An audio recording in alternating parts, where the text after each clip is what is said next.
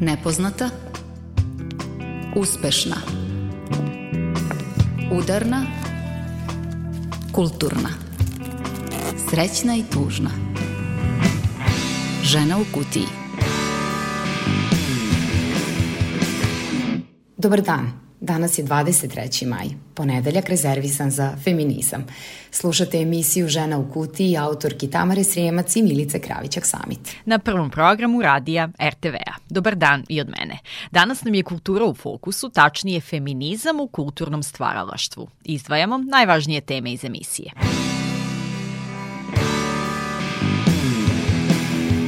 Istoričarka književnosti Žarka Svirče, nova članica žirija za dodelu Ninove nagrade, za ženu u kutiji govori o ženskom autorstvu. A, s obzirom na to da mi još uvek živimo u, u, u vrlo tradicionalnoj i patriarchalnoj sredini, mislim da je važno da i tekako politizujemo tu kategoriju ženske književnosti.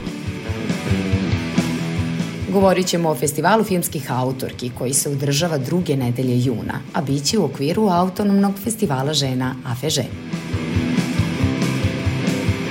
Neoavangardna umetnica, pesnikinja, performerka Katalin Ladik i njena knjiga Mogu li da živim na tvom licu u rubrici Kulturna.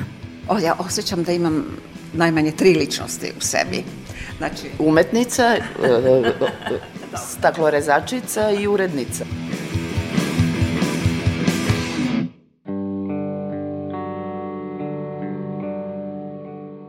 Uskoro te priče, a uvertira kroz muziku. Biramo mladu autorku Tam i njenu najnežniju pesmu Infierno.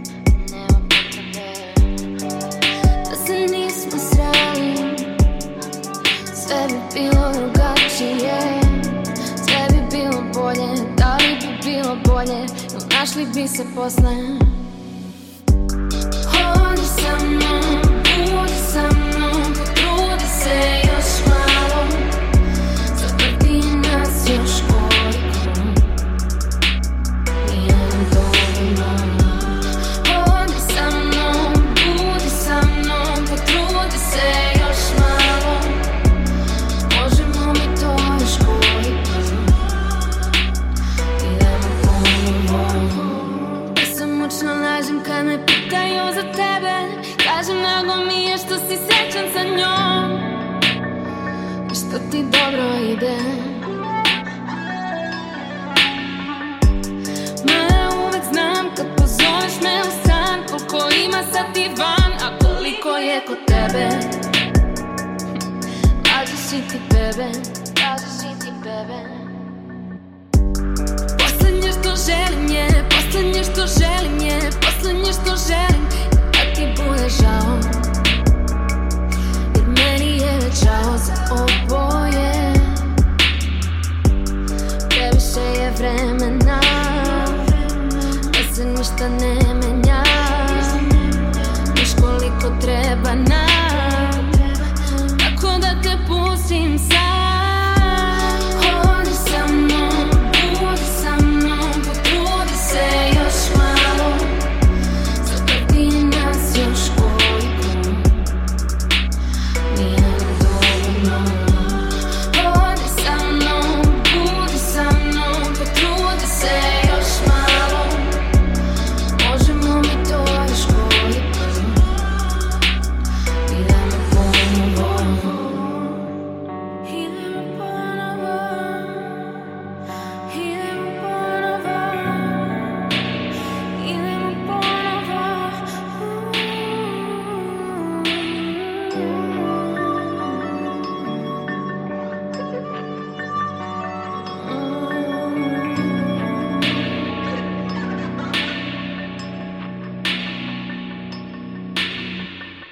Udarna, kulturna. Žena u kutiji. Konkurs za Ninovu nagradu za najbolji roman u 2022. godini zvanično je otvoren prošlog meseca. A u žiriju su i nove članice članovi Milena Đorđević, Žarka Svirčev i Goran Korunović. Od starih članova ostaju još ove godine Marija Nenezić i Teofil Pančić i tako prvi put u istoriji Ninove nagrade tri člana žirija su žene. Žarka Svirčev jedna je od njih. Ona je naučna saradnica u Institutu za književnost i umetnost u Beogradu, a akademska sfera interesovanja su joj feminističke studije periodike, avangarda i tradicije romana u srpskoj književnosti. Za ženu u kutiji sa njom je razgovarala Tamara.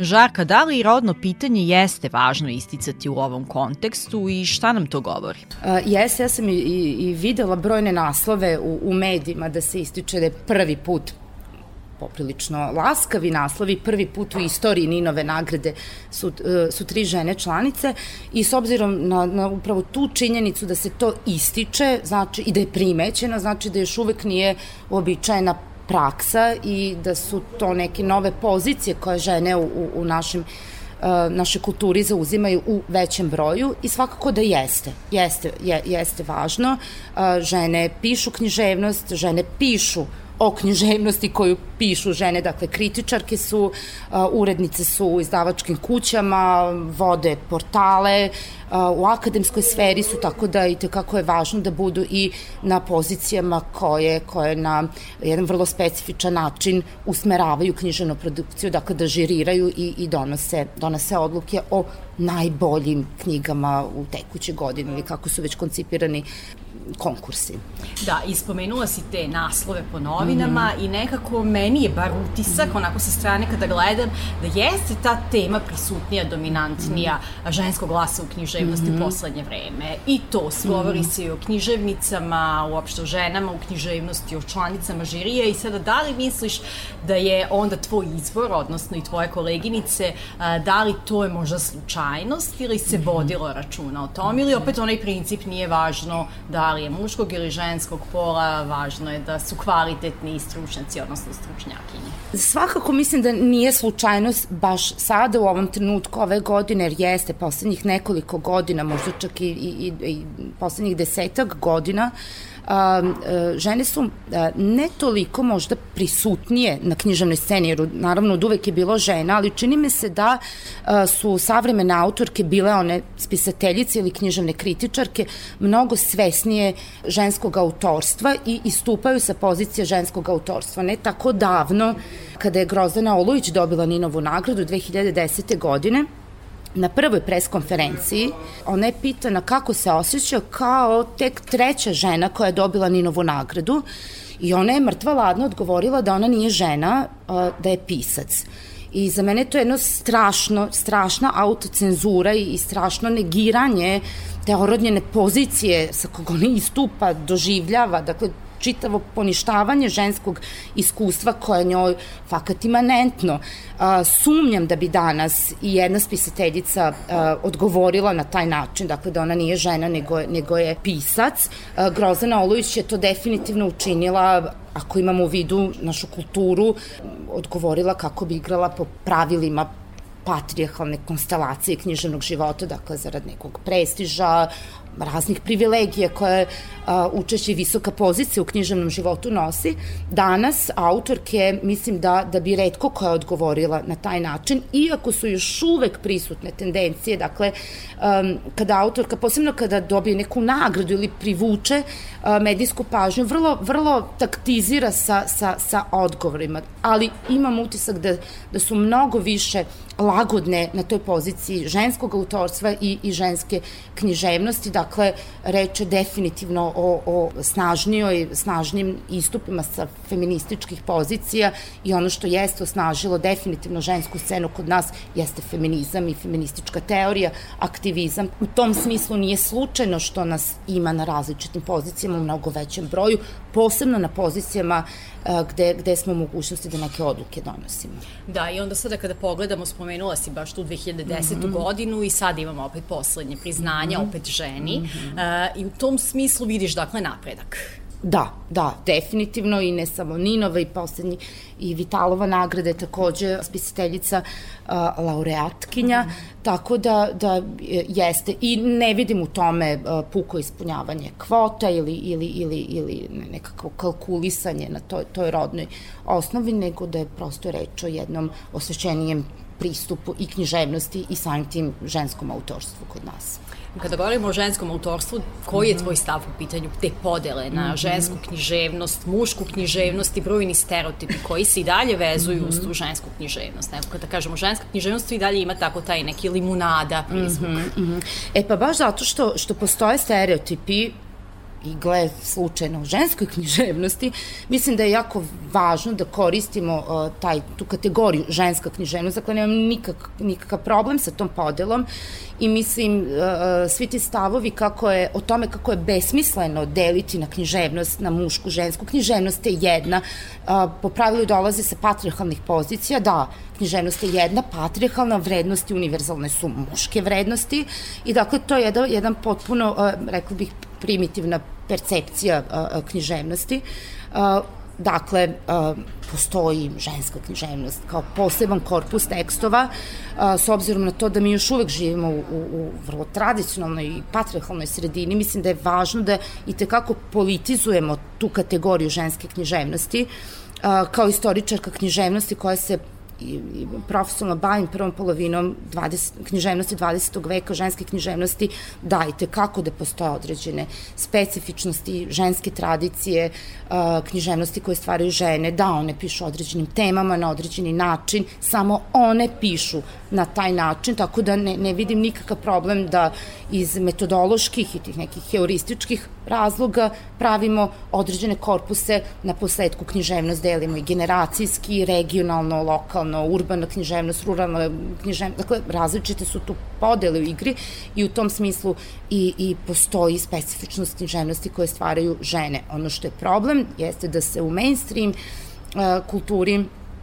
ona, baš kao što si rekla, povezuju sa, sa nekakvim limunada, kič, sentimentation, kao da muškarci ne pišu tako i kao da sve žene, žene pišu tako u tom smislu pošto postoje i dakle ona jeste politički mobilisana u cilju diskvalifikacije stvaralaštva žena i to je tako poslednjih 150 godina. Mislim da je naša obaveza da baš korišćenjem i upotrebom te kategorije, a ne negiranjem, jer nemamo pravo da, da negiramo feminističku tradiciju, žensko iskustvo uh, i koristimo taj pojam, tu kategoriju ženske književnosti i da prosto damo drugačiju vrednostnu, vrednostnu vertikalu do trenutka kada će ona biti vrednostno neutralna, da, da sada zamišljamo jedno utopijsko društvo kakvo prosto teško da ćemo ikada dočekati. Da, i zanimljivo mi što si spomenula te mnoge podele mm -hmm. i mhm. regionalne i sve zapravo samo se usporava ova jedna, sve ostalo je u redu da pravimo podele i niko se neće nekako svrnuti i Tako debatovati na tu temu ili potrebno ili nije potrebno. Da li u svemu tome misliš da treba da ima više priča iz te ženske perspektive i da li je potrebno da postoji više književnica autorki u kanonu? Definitivno, definitivno. Mi sa uh, jedne strane i tekako imamo mnogo priča iz ženske perspektive i izuzetno bogatu žensku književnost na ovim prostorima. Ono čemu, gde leži problem jeste da mi ne znamo ništa o toj književnosti. Ono što ja pouzdano mogu da tvrdim, eto s obzirom na to da se bavim prvom polovinom 20. veka i ženskom književnošću, da način na koji ona predstavljena u književnim istorijama, pregledima je potpuno i netačno i nerelevantno. Dakle, to je jedan izuzetno redukovan i banalizovan pristup uh, ženskom stvaralaštvu. Tako je i, i danas. Dakle, Dakle, sa jedne strane nemamo, nemamo odgovarajuće znanje o književnoj, ne samo književnoj prošlosti, uopšte kulturi koju su žene stvarale na ovim prostorima, a elementarni problem je pedagoški kanon, dakle ono što čitamo u školama, pa čak i na fakultetima, na studijskim programima koje, ko, u kojima žene uopšte nisu, nisu prisutne i prosto mi negujemo i odgajemo čitaoce na način da im stvaralaštvo žena ne bude, ne bude blisko, a znamo da nastava književnosti u školama je formativna na različite načine. Nije to samo saznavanje i sticanje znanja o samoj književnoj istoriji, nego i formatiranje ličnosti na, na mnogo planova. I dok se prosto pedagoški kanon ne, ne promeni, dok se ne učini inkluzivnijim za, za ne samo žensko, za različite, to je kvir književnost, to je književnost, levičarska književnost koja danas takođe nije prisutna u, u programima, postojeći ti stereotipi o kojima smo mi govorili o, o ženama i neće na adekvatan način imati, imati zauzimati odgovarajuće autorske pozicije u kulturi.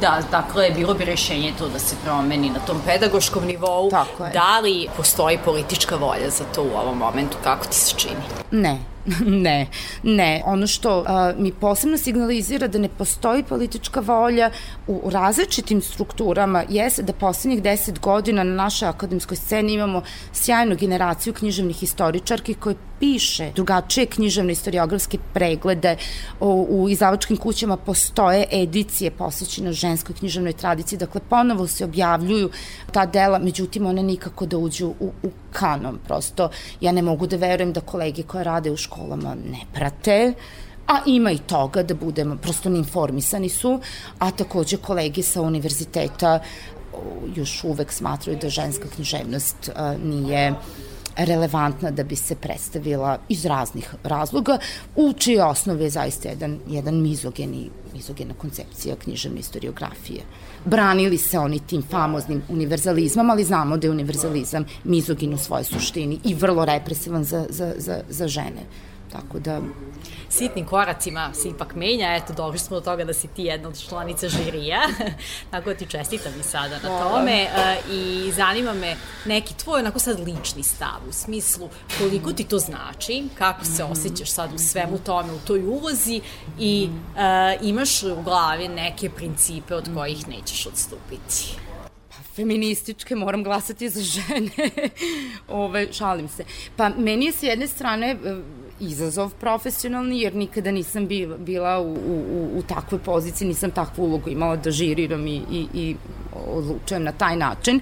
S druge strane sam jako radosna i jako me raduje ove rad u, u žiriju zato što on podrazumeva sa jedne strane beskreno čitanje knjiga, a sa druge strane razgovor o knjigama, imam sjajne uh, sagovornike, ostali članovi članice žirija, Tako da, a za mene ne, nema većeg zadovoljstva od čitanja i razgovora o, o pročitanom i u tom smislu se baš, baš uh, radujem. Uh, naravno da sam svakako formatirana čitateljka, imam svoje ovaj, odnegovane slabosti.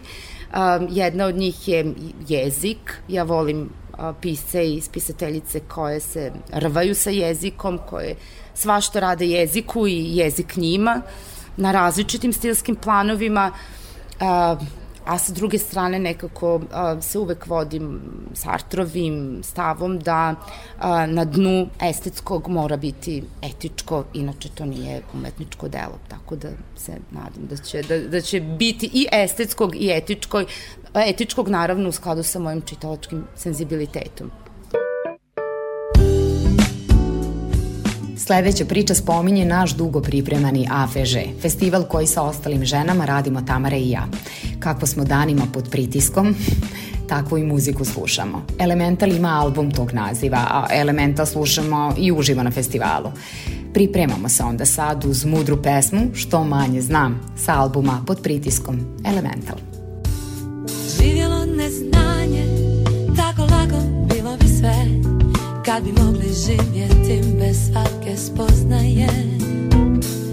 Pametni smo jako, dijelimo savjete Ali sami ne znamo što je najbolje. A koliko god trudiš se, uvijek najebeš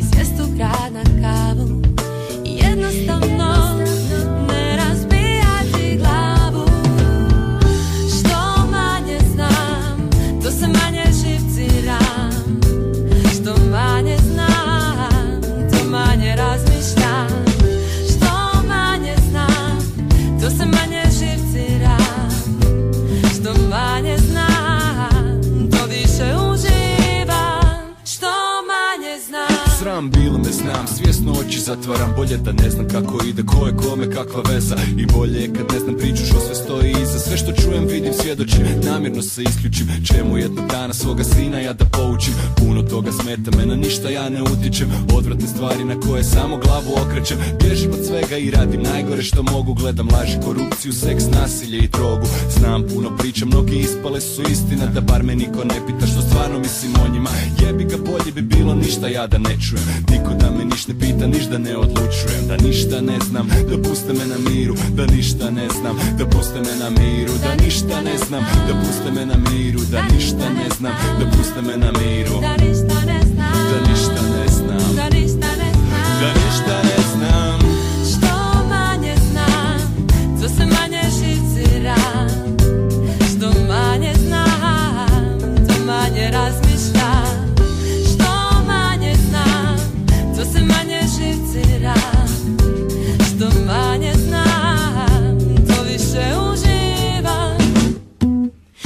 ne zanima ko bareta to o čemu se priča. Ne mislim na lovu, moja sudbina je sića. Ne čitam horoskope jer znam da opet lažu I ne želim saznat svoju točnu kilažu. Ne želim znati limara jer tamo ne idem. Luzeri poput mene izvise pa ne brinem Bolje da ništa ne znam, da takam u mraku. Neću biti mudra, al barem neću biti u strahu. Reci da sam budala, nasmijat ću se. Pustit ću mozak na pašu i okrenuti se. Otpustit ću ručnu i sjest u grad na kavu. Jednostavno ne razbijati glavu to se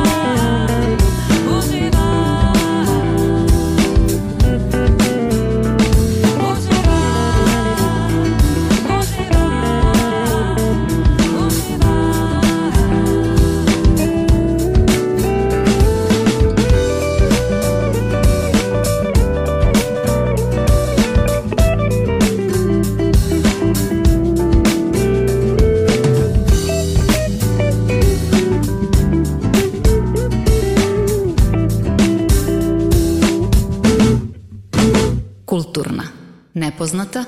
Žena u kutiji. Drugi festival filmskih autorki u organizaciji OFF Novi Sad održat će se u okviru našeg AFŽ-a, a u drugoj nedelji juna u Muzeju savremene umetnosti Vojvodine. O tome, kao i o celokupnom programu AFŽ-a, govorit ćemo u narednoj emisiji detaljno. Celu ćemo posvetiti emisiju tom festivalu koji je u svakom smislu neodvojiv deo nas. Pošto filmski festival naravno prati i neke aktivnosti pre samog prikazivanja filmova, to je prikupljanje, mi ćemo u ovoj emisiji to da pojasnimo.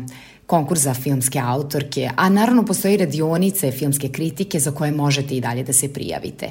Sa namerom da se reč o tome dalje čuje, poziv bolje raširi, slušamo Tamaru Treninić, našu bivšu koleginicu sa RTV-a, sada promoterku Festivala filmskih autorki. Kako bi film zapravo trebalo da bude odraz svih ljudi, važno je da bude i što više ženskih glasova koji će na neki način svojim jedinstvenim filmskim jezikom da pokrenu neke nove debate, nova pitanja, da donesu nove perspektive i neki talas bunta. E, samo tako će i prikaz života na filmu biti iskreniji i verodostojniji. Zato je bila ideja festivala e, da podrži žensko stvaralaštvo, da afirmiše autorke, da podstakne stvaranje žen- ženskih filmskih kolektiva, jer važno je da žene upravo kroz film kažu šta su to spoznale, šta su naučile, šta su osetile, da podele neka svoja razmišljanja. Nakon prve i to vrlo zapažene godine, o čijim filmovima se nedeljama pričalo u Novom Sadu, Festival filmskih autorki ove godine održava se pod kapom Autonomnog festivala žena AFŽ, objašnjava Tamara Treninić, pijarka Festivala filmskih autorki. Autonomni festival žena je jedna divna stvar koja se desila u ovom gradu 2020. godine i nešto što je, rekli bismo, ovom društvu bilo preko potrebno s obzirom na to da nam je zaista nedostajalo ženskog prostora.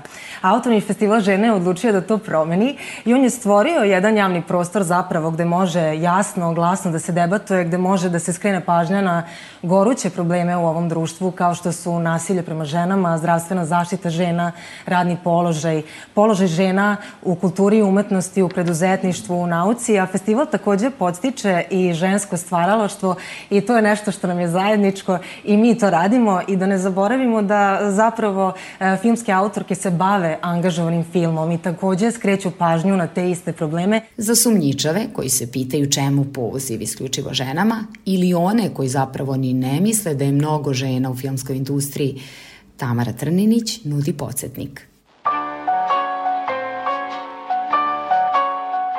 Ko zna da li bi film Bonnie i Clyde iz 1967. godine tako izgledao da ga nije upravo montirala jedna žena, montažerka Didi Allen koja ga je sigurno začinila svojim vizijama.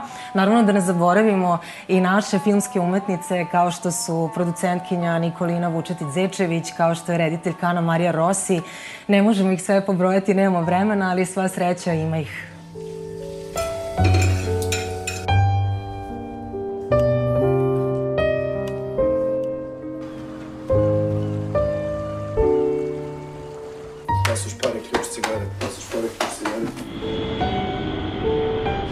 Smijem dolaze, nisi morala dolaziš uopšte.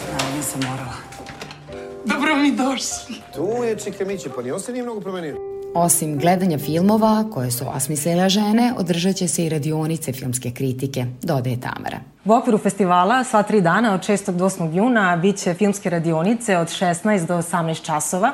E, svi zaljubljenici u film i ljubitelji filmske kritike moći, ću, moći će na tim radionicama zapravo da dobiju odgovore na pitanja kako se to kritički gleda film, kako se film analizira, koje parametre je važno uzeti u obzir, kako se, na primjer, analizira razvoj radnje i tako dalje, a radionice će držati dramaturški Divna Stojanov i Marija Payne. Na autonomnom festivalu žena AFŽ u drugoj nedelji juna, osim filmskih, postoje još dve vrste radionica na koje se možete prijaviti, podsjeća Treninić. Ono što je još važno da spomenemo jeste da se u okviru autonomnog festivala žena takođe organizuju važne radionice, medijske i psihološke. Sve informacije o tim radionicama se nalaze na društvenim mrežama autonomnog festivala žena, a oni koji se zainteresuju za radionice mogu da se prijave putem maila autonomni festival zena at gmail.com. Festival filmskih autorki održat će se od 6. do 8. juna u okviru autonomnog festivala žena koji traje do 12. juna. Program se odvija u Muzeju savremene umetnosti Vojvodine, besplatan je, podrazumeva sem filmskog i radioničarskog dela i razgovor o feminizmu, izložbu zombijaninih ilustracija, performanse, koncerte i bazar. Bila je to priča o ženama na filmu. Katalin Ladik je sledeća žena koju spominjemo u emisiji, a nije nam problem da posvetimo vreme i muškarcima čiji nam se rad dopada. Mladi muzičar Luka Rajić ima simpatičan zvuk, ali i pojavu. Ovo je njegova pesma Ludim. Prazan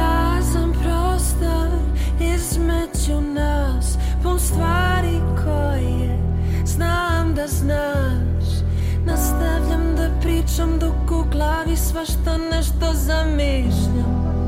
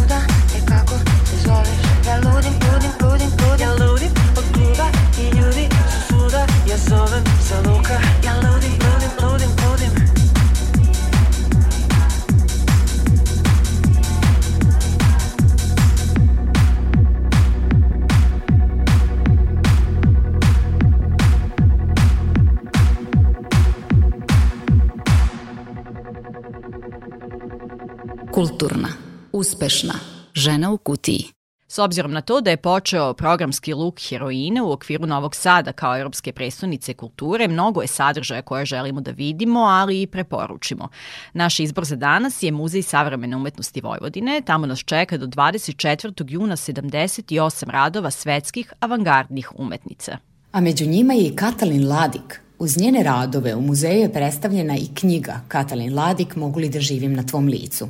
To je romaneskna životna priča naše velike umetnice. Knjigu na srpskom objavio je Savez feminističkih organizacija Rekonekcija uz podršku Evropske prestonice kulture. Predstavljena je u muzeju nakon otvaranja izložbe Feministička avangarda 70-ih. Sa njom je razgovarala Tatjana Novčić-Matijević. Ja želim ovaj razgovor sa vama da krenem prvo o vašim utiscima sa ove izložbe Feministička avangarda 70-ih. Samom činjenicom da ste vi zapravo svojevrsni nukleus dijaloga umetnica iz sveta i naših. Ima vas i u Verbund kolekciji, ali vas je i Sanja Kojić-Mladenov kao kustoskinja e, našeg dela izložbe, naravno sa punim pravom odabrala. Jeste da sam ja 70. godina radila ono što sam osjećala. Mada nisam imala kontakte u svetu šta druge žene rade u svetu. Tada nije bilo tako lako komunicirati. Nisam imala uslove da komuniciram. Bila sam u stalnom radnom odnosu, pa ono, klasičan život žene, udaja e, dete i tako. Znači, ja sam spontano radila sve. I to je, to je tako bilo zapravo sve do, dok nisam počela putovati, znači negde m, krajem 70. i 80. onda sam ja videla šta se radi u svetu i šta se radilo u ono moje vreme. Ali to je onako parcijalno sam imala samo uvida, znači to je bilo već 80. godina. Međutim, sada ovo, na ovoj izložbi ja sam zapravo videla malo prošlost, našu prošlost, kreativnu prošlost, šta se radilo 70. godina, pa možda i malo ranije, I onda sam ja bila veoma iznenađena kako po celom svetu žene su isto nekako osjećale, imali isti taj stav prema društvu, prema svom telu. I to je bio na neki način kolektivno neko mišljenje ili, ili, ili kolektivni neki osjećaj žena za neko oslobađanje misli e, i, i tela i, i tabua. U tom smislu sam veoma iznenađena, prijatno i na neki način osjećam opravdanje za sve ono što sam dobila kao kritiku i, i, i svašta sam dobila i kazne i razne za ono što sam učinila, ali evo sada i rezultata, da neki način čak i nagrada za ono što sam, što sam trpela i što sam ovako baš verovala u svoju istinu. Jer sam ja ipak dobila neku, neku reakciju od žena da sam umesto njih uradila ili rekla ili pokazala nešto za što one nisu imali dovoljno hrabrosti. Anđeo, vaš čuvar, evo, s pravom vas je doveo u ovo okruženje sada. Divno je vratiti se, zapravo ja se nikad nisam udaljila od Novog Sada. To, dobro, to se iz poezije ne osjeća, jer poezija je, mislim, malo više transcendentalna, ali u mom ovom životopisnom romanu ili romansijernom romanu se bavim ne samo ovim, u ovom romanu koji je štampan prvo na mađarskom 2007. a sada, evo, upravo sada je promocija ove knjige u prevodu Arpada Vickova na srpski jezik. To je neki, na neki način zapravo autobiografija moja i i lična i, i karijera i stvaralačka, znači celokupna karijera je um, kod mene zapravo i kod mnogih drugih osjeća se, o, ja osjećam da imam najmanje tri ličnosti u sebi. Znači... Umetnica, e, e, staklorezačica i urednica, je li? Dobro, nisam bila staklorezačica, ali sam tražila jedan, e, jedan zanat, jedan, jedno zanimanje za tu svoju ličnost, za, za tu ulogu jedne žene, koja, a odabrala sam staklo i okvir, znači ram za i sliku. Jer ja sam i vizualni umetnik, znači razmišljam ne samo o, o, o slici, jer, moje poe, jer je moja poezija veoma slikovita, tako kažu, da ima jako puno slika, znači, a osim toga i prozirnost, staklo i naravno i odraz, ogledalo, znači e, Mislim, to su neki način magični materijali, ne samo za mene kao pesnika, nego inače koje gledam na materijale, na stvari, gledam i na vodu. Imam jednu zbirku koja je baš posvećena vodi, zapravo agregatnim stanjima vode, znači sećanje voda, to je naslov te poezije. Znači, nije slučajno što sam odabrala, a ram, okvir, mi je takođe važan, naročito kada gledam sa pozicije gledaoca koji je u pozorištu. Znači, u pozorištu prikazujemo zapravo e, scena sa zavesama, je, to je okvir i između tih zavesa, zapravo tog okvira, se dešava umetnost i slike se uramljuju. Znači, do, do, od rama, znači od jedne i vize druge, je delo, a posle je svet. Znači, zanima me ta, taj deo koju umetnik za stvaraoc ograđuje, e to je to, dokle gledajte, a dalje ne. Dalje ne. Knjiga je naslovljena Katalin Ladik, mogu li da živim na tvom licu?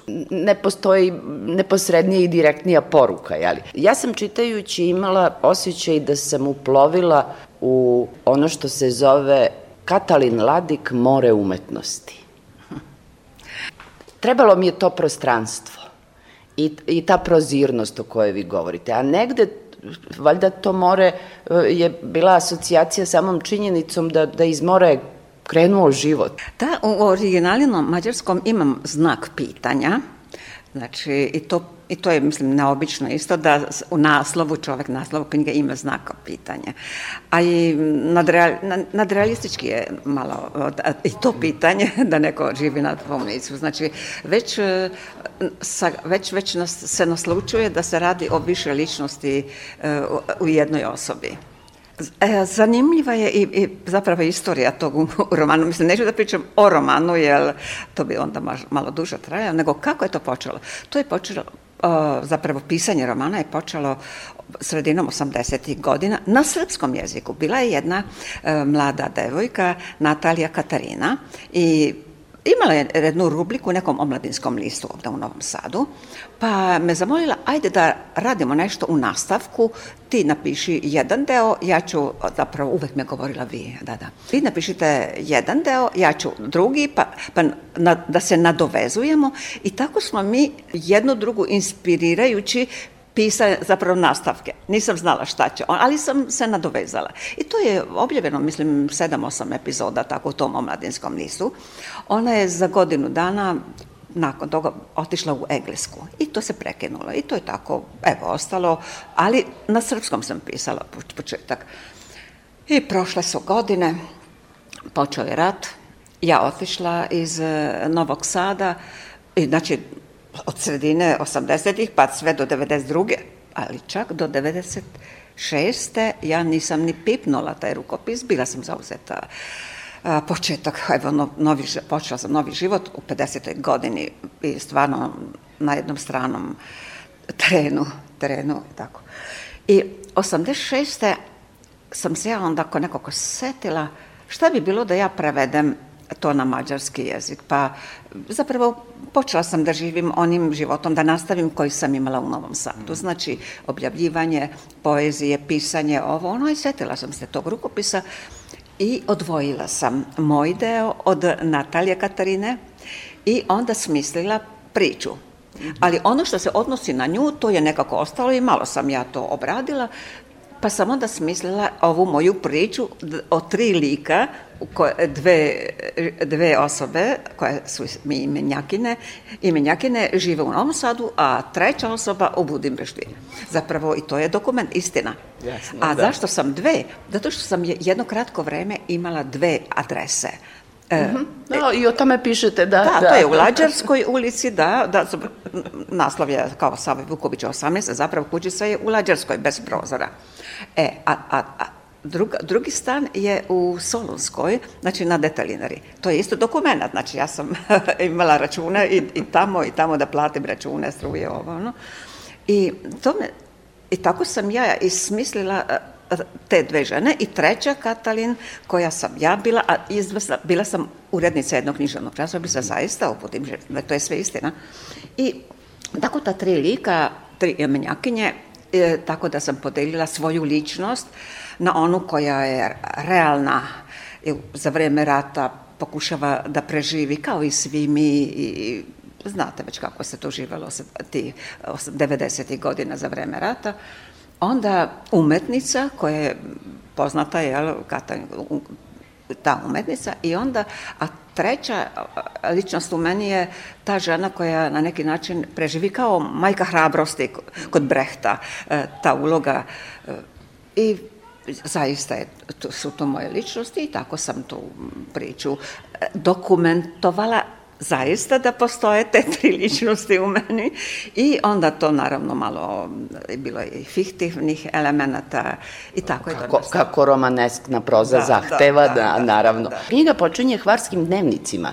To ste, e, to je- to je pisano na To je zahtev okvirna-. To je okvirna priča, to je okvirna priča, i, međutim ja sada nastavljam, zapravo ja sam već skoro gotova i sa drugim, sa nastavkom ovog romana, znači opet e, tri osobe, tri Katalin, ali naravno mnogo, mnogo decenija kasnije. I tu sam već, trebala bih da već da završim, a uvek ima nešto što, znači i to se piše dugo, i, ali ova druga i naravno i, i prva se nalazi na, u Novom Sadu, radi o Novo, ali ova na, druga naročito, e, opet tri lokacije, Novi Sad, Budimpešta i Hvar. E, da, naravno bio je među vremenu i rat i sve, sve, sve se to evo nalazi u ovom nastavku ovog romana. Zazvučat će vam možda čudnovato, ali, a možda i ne. Najbolju definiciju onoga što sam čula o vašoj knjizi jeste da je ona performans teksta. I kada se čita, e, ne postoji ni, ni jedan deo vašeg stvaralaštva koji vi niste otvorili prema čitaocima. Toliko ima tih i autopoetičkih pasaža i objašnjenja umetnosti, jer ste celog života zapravo morali dobrom delu publike i da objašnjavate šta je to što vi stvarate, da sam ja, kad sam sklopila, zaista imala osjećaj kao da sam provedena kroz jedan divan umetnički proces. Da, o, kritika na mađarskom, jedna, jedan deo kritika, pa, pa to nije roman, pa zna se šta je roman. Jes, nije, jeste, da to nije roman, jer naravno ti vizualni prilozi nisu ilustracija, nisu prilozi, nego su deo, sastavni deo e, teksta. Praktično i dokumenti. Dok, dokumenti i teksta, znači to je sastavni deo, a nije ono kao ilustracija. Ne, ne, ono, pa od, od, od, slike, fotografije i mislim ti kolaži koji su tamo su sastavni deo i zapravo proširuju granice teksta i sveta teksta. Bez obzira da li je to dokument ili, ili, ili vizualni rad, e, tako da to nije u, u tom smislu roman, niti je... E, da, dobro kažete, performance teksta, zanimljiv izraz, nisam to još čula, ali hvala vam za to. E, hvala vama na ovom razgovoru i sa zadovoljstvom ćemo čekati sledeću knjigu da čitam. Daj Bože da doživim, da, da, da imam snaga i vremena da dovršim, bar na mađarskom i onda nadam se da će onda prevod opet us, biti uspešan kao i ovaj. E, da, vaša zapravo karijera je svetska. Da, ova karijera, ali književna je ipak e, mađarska i jugoslovenska. Jasno. I... Imam ja i prevedene, prevedenu poeziju na druge jezike, imam, imam. Ali ipak ovo tlo, i drago mi je što je prevedena na srpski, jer jer radi se o nama koji smo tu živeli, multietnički ili multikulturalni ljudi koji smo u tom u tom duhu ovaj, odrasli, rođeni i odrasli. Da, da, to je prosto identitet. Da, da, da, da, da, da. I zato mi je drago da se upravo u Novom Sadu objavljuje.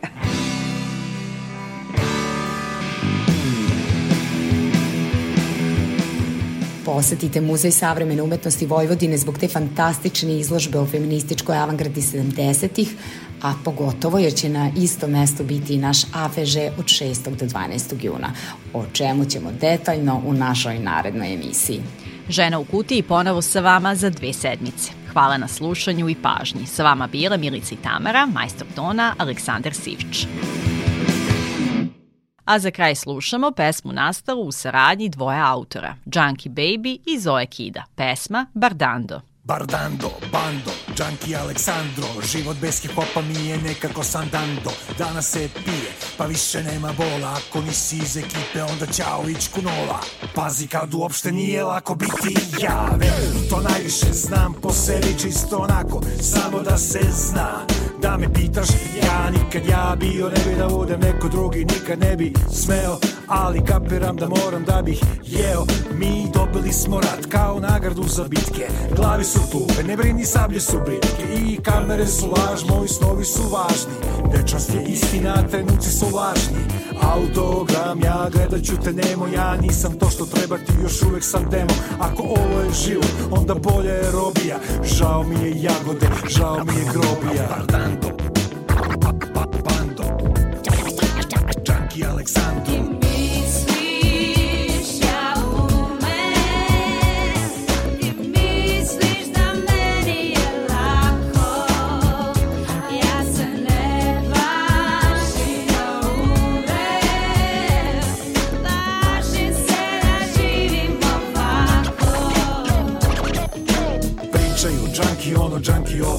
Da znaš moju kevu nikad me ne bi psovo Pa ipak neka svako zna. Imam dve sekunde do zadnje runde. Lokal patriota sam, zlo me ubija NATO je mafija, Kosovo je Srbija Nikad nisam imao ništa, a i to sam izgubio. Ali moj hip hop nikad nikog nije ubio. A ja u najboljem sam društvu kad sam sam. Sve je manje moje braće kako mi je samo ja to znam. Ima mođo kao Munja MC Bođo Ne privlači me ni jedna stranka. Ako bude neka stranka onda ću kod BG Fanka Avi Trap, Turbo Da mi se ne ponadate Pa bolje u selfie da se pogledate